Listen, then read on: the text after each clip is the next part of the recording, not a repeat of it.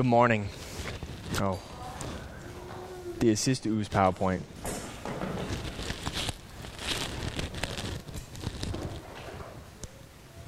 Anas, do you have this week's PowerPoint? I mean, half these people were here for last week, so I could give the same sermon again to half people and it would be brand new.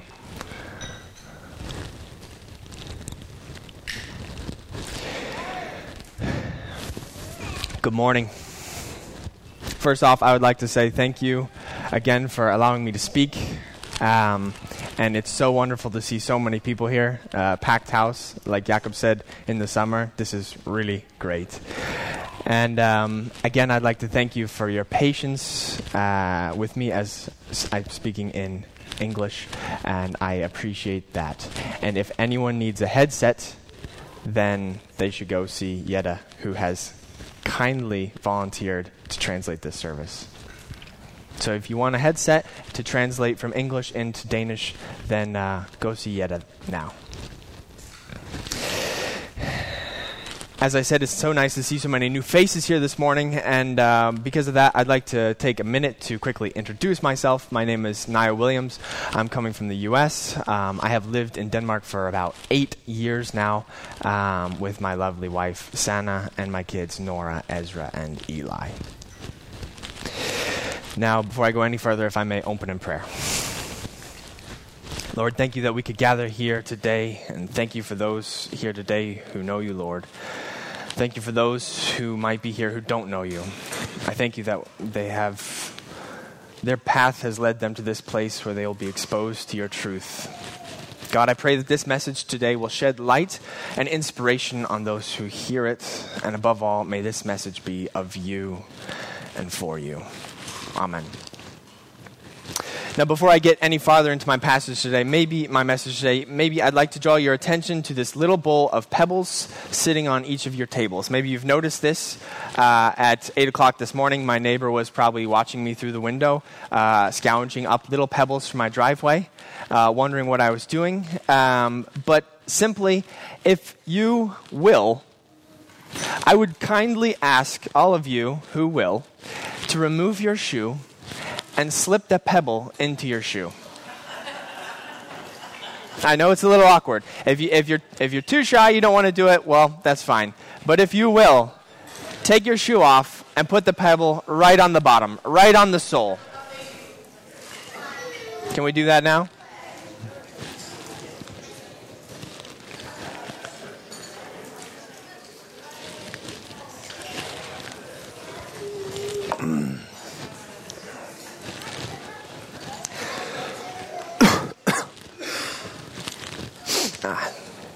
Smells a little bit funny in here, doesn't it? All right, now that we have that pebble in our shoe, I would like to start off the sermon here this morning with a certain church tradition that we typically observe, um, and that is simply to greet our neighbors, okay? But today, I'm giving bonus points for you to find someone who maybe you don't know very well or you've never seen before. And I'm giving bonus points if you can find someone and ask them something about themselves. It could be anything. It could be what's your name, it could be where are you from, or it could be what did you have for breakfast. Okay? So, so please rise yourself, uh, go across the room if you have to. I'm going to give you two to three minutes. Find someone bid them welcome, bid them hello, and bonus points if you don't know them, and bonus bonus points if you can ask them just a question about themselves. So take two minutes.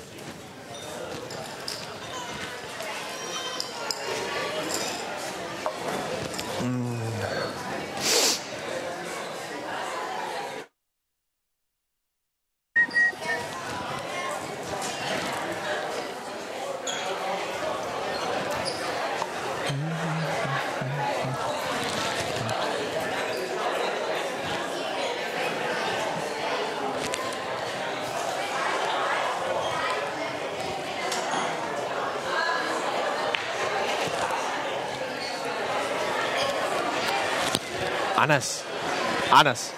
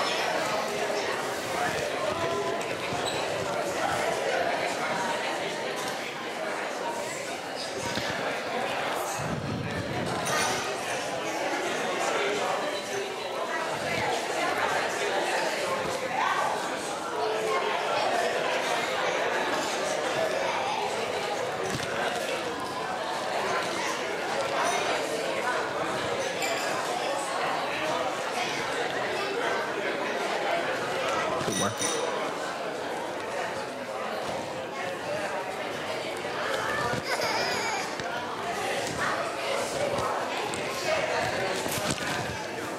Now. But I think they're fixing it. Gonna take him?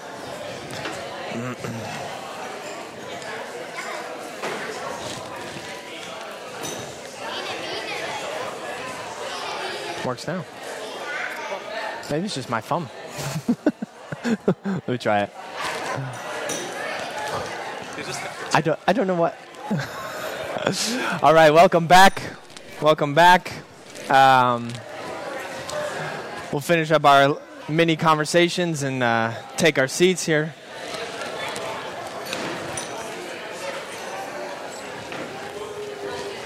All right.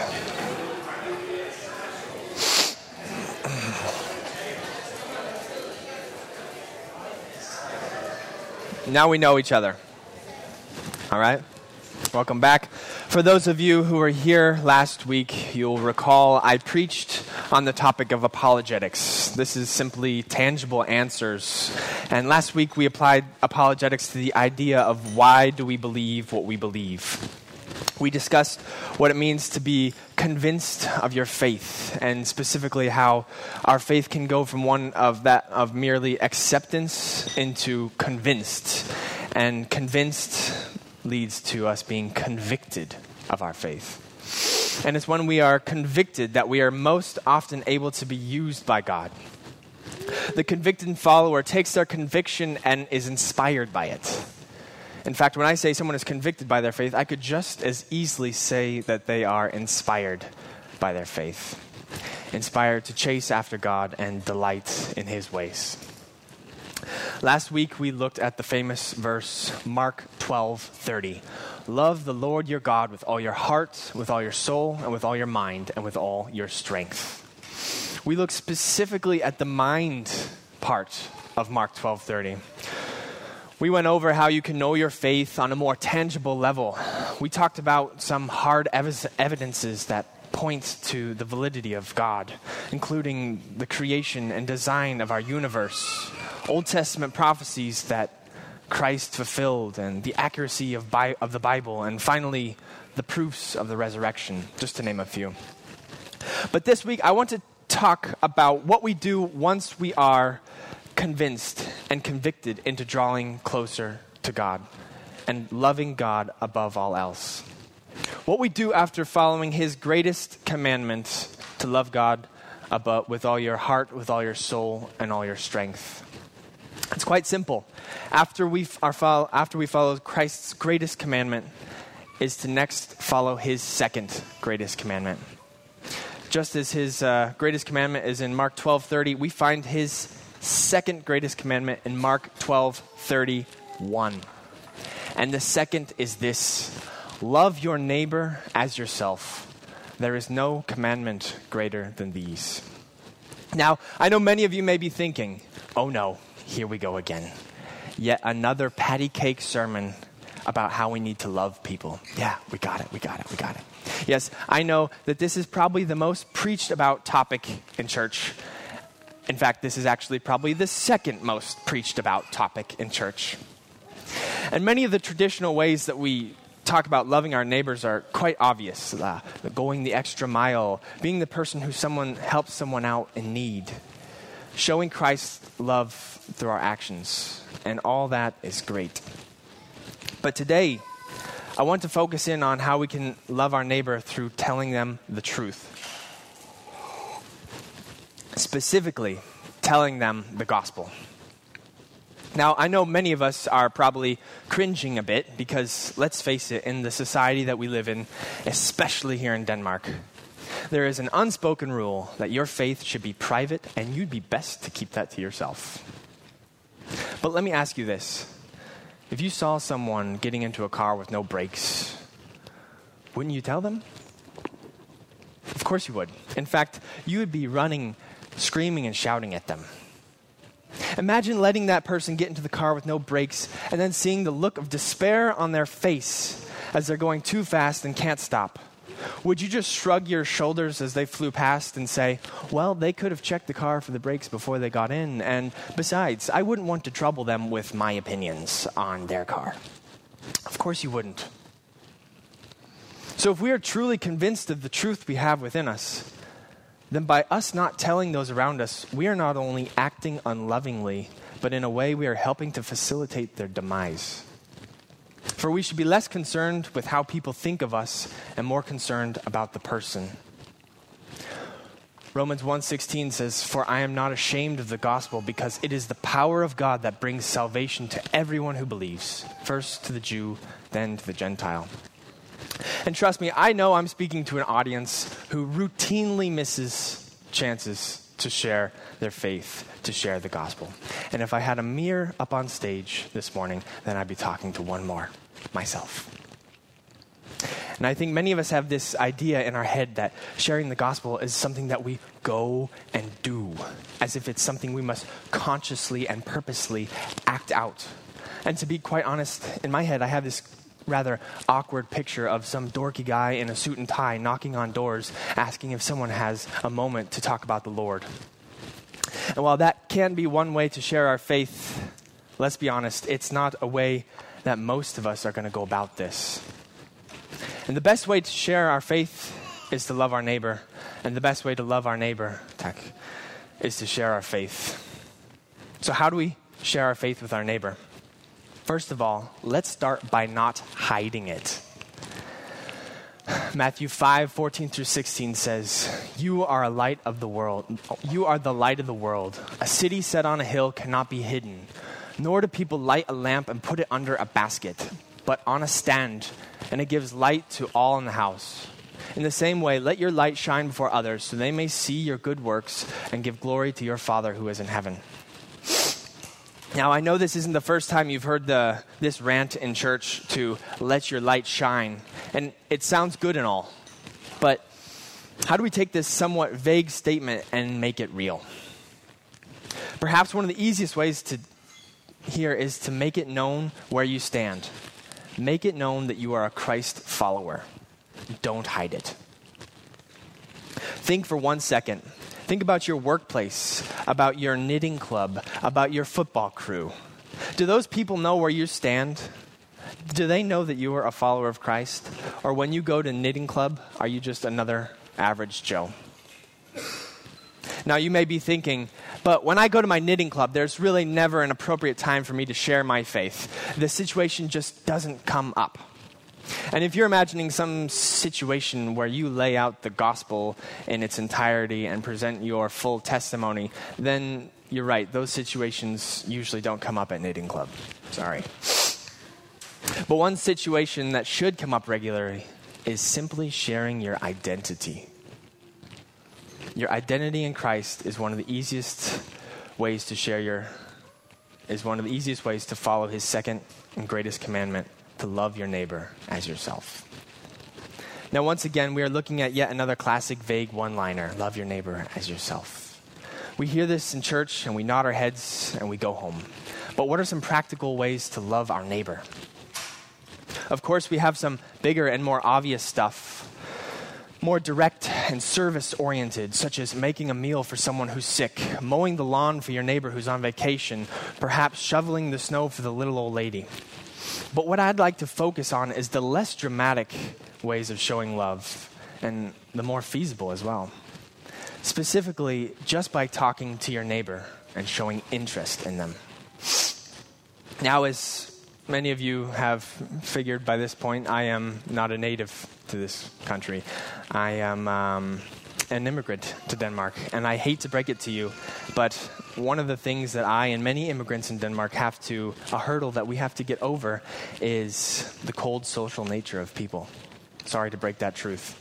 It's just simply not a typical in the nature of this society to seek out someone who they don't know and just talk to them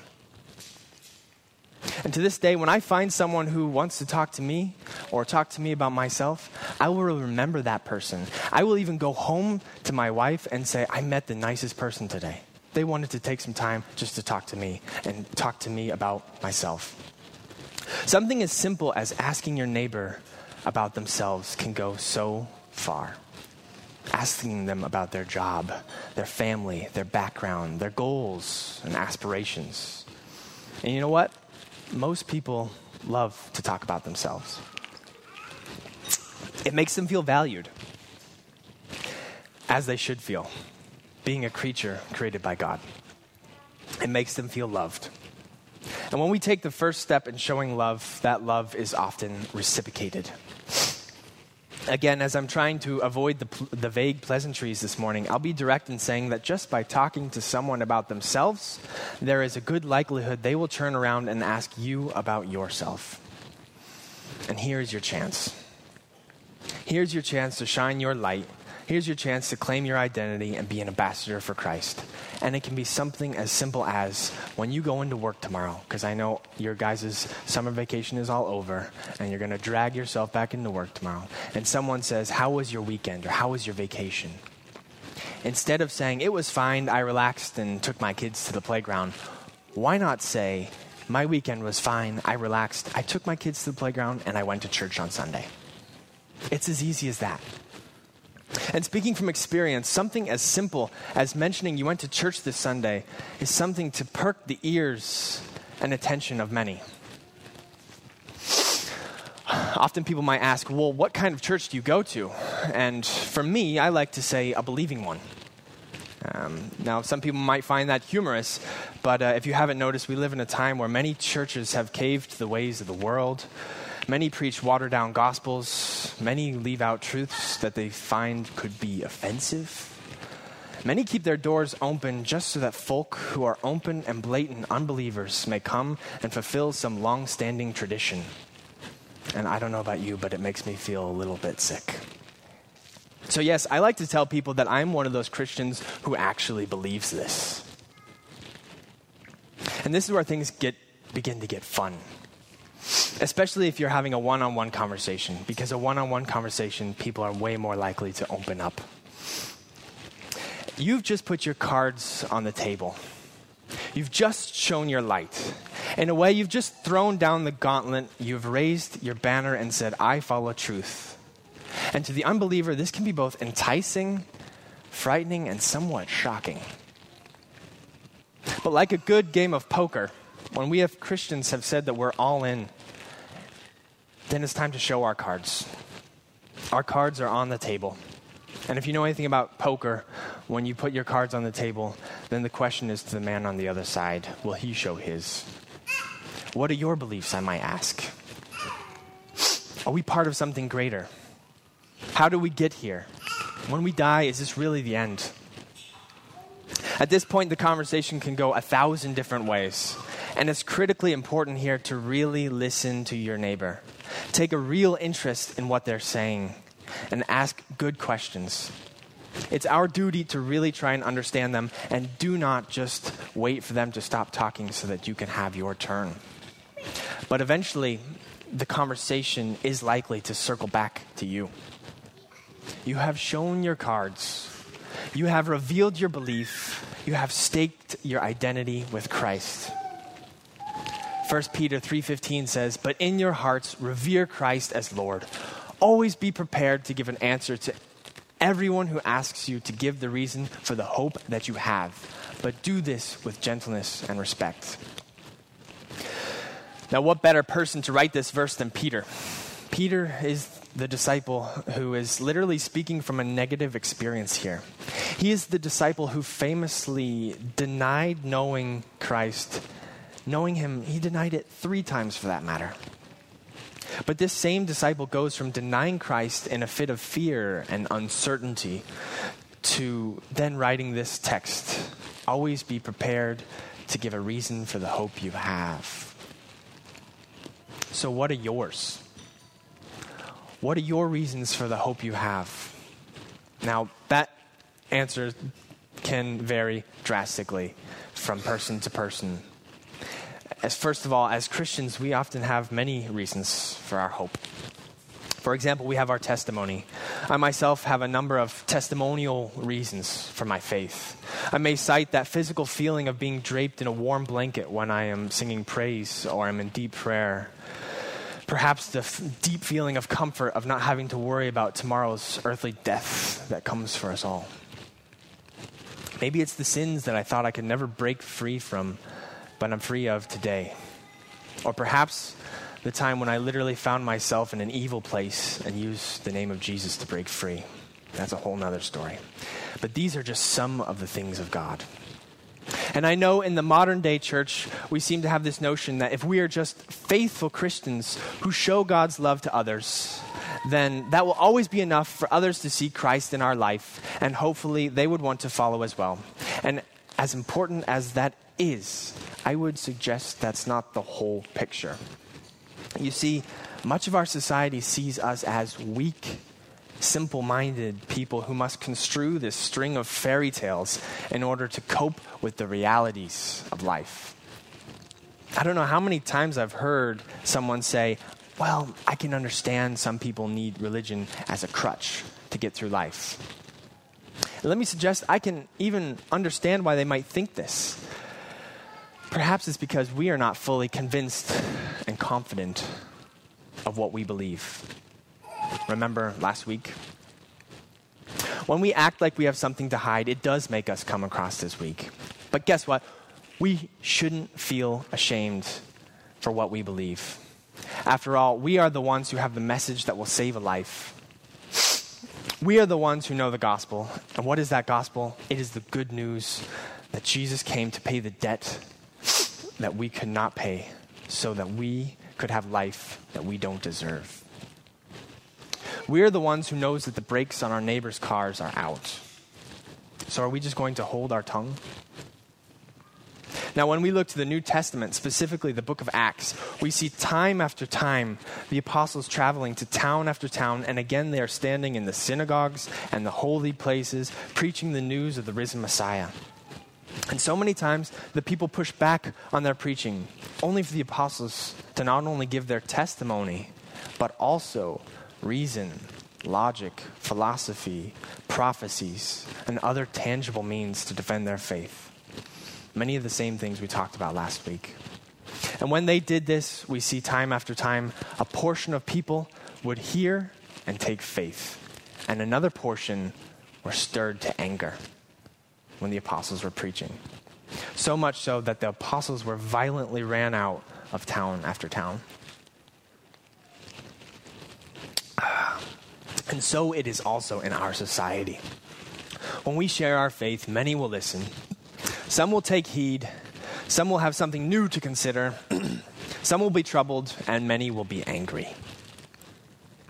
Some may be angry simply because they are annoyed, but many will be angry because deep down they hate to hear truth.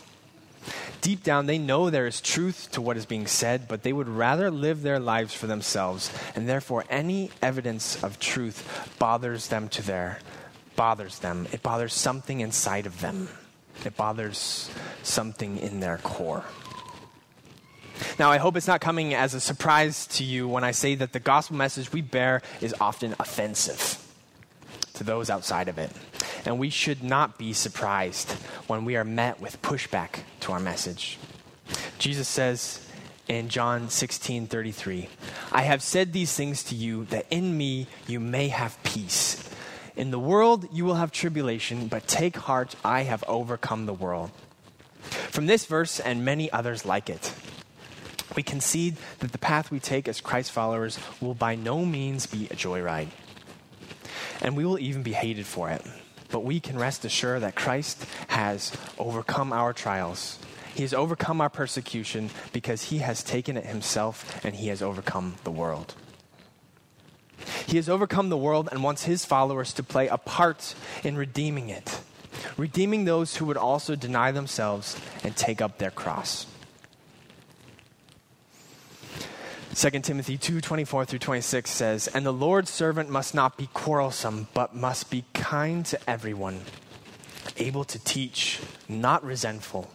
Opponents must be gently instructed in the hope that God will grant them repentance, leading them to a knowledge of truth, and that they will come to their senses and escape from the trap of the devil who has taken them captive to his will. I really love this passage because it takes a lot of pressure off of us as Christians. Ultimately, it is our job to live and preach our faith, but only God can grant a heart of repentance. Another beautiful truth from this passage is that as Christians, we shouldn't be quarrelsome or resentful when we share the gospel. Now, I can speak from experience that when we have a particular worldview, uh, then it can be we can be easily tempted into arguments that evoke passion, anger, and even malice. But if we're sharing our faith with someone and it is us who is being lured into a quarrelsome state, then I would suggest at this point we are more concerned about being right than we are concerned about our neighbor finding Christ. And we are no longer acting lovingly. And loving our neighbor is the goal. Now, assuming you still have this pebble in your shoe, hopefully, this pebble may be small, but as you walk around for the rest of the day, and I would encourage you to leave it in your shoe at least until you come home from church today. As you walk around, that pebble is all you can think about. That small pebble weighs heavy on your mind. That pebble is just a little piece of truth, a piece of truth that needs tended to, a piece of truth that can really rock the boat and upset the peace and balance for those who are lost. That pebble is a challenge that we put in the shoe of our neighbor. And may we challenge people in a loving way, not one of sheer arrogance and shrewd arguments, but instead, may we ask people good questions about their own beliefs. May we challenge our neighbors to seriously ponder their own views and how they came to their conclusions. You see, when I say we should put a pebble in the shoe of our neighbor, that's the same as saying planting a seed in their life, a seed of truth. The Apostle Paul says in 1 Corinthians 6 and 7 that some of us will plant seeds, some of us will water those seeds, but only God can make it grow. So, are we ready to be obedient to Christ's command to love our neighbor as ourself? Are we ready to be bold and share His truth, and when needed, give reasonable defenses for the hope we have inside of us? Are we ready to be a part of Christ's final commission before He left the earth, namely the Great Commission? Then Jesus came to them and said, all authority in heaven and on earth has been given to me. Therefore, go and make disciples of all nations, baptizing them in the name of the Father and the Son and the Holy Spirit, and teaching them to obey everything I have commanded you. And surely I am with you always to the very end of the age. Are we ready to put pebbles in shoes? Are we ready to openly share our identity in Christ, unashamed? For I am not ashamed of the gospel, because it is the power of God that brings salvation to everyone who believes. And if given the opportunity, are we ready to share the gospel? The gospel, the good news of Christ. If I may close in prayer. Dear Heavenly Father, I thank you once again that we could be here today and draw closer to you. Father, I pray that you would make us bold and give us a burning desire to represent you. I pray, Father, that we can stake our identity in you with pride. May we be able to speak truth to our neighbors lovingly and without hesitation. May we be eager to be a part of your plan, Lord, to be a part of your great commission, to go forth to not just all the world, but just also to our neighbor. And Lord, most of all, may we glorify you. And in your heavenly name we pray. Amen.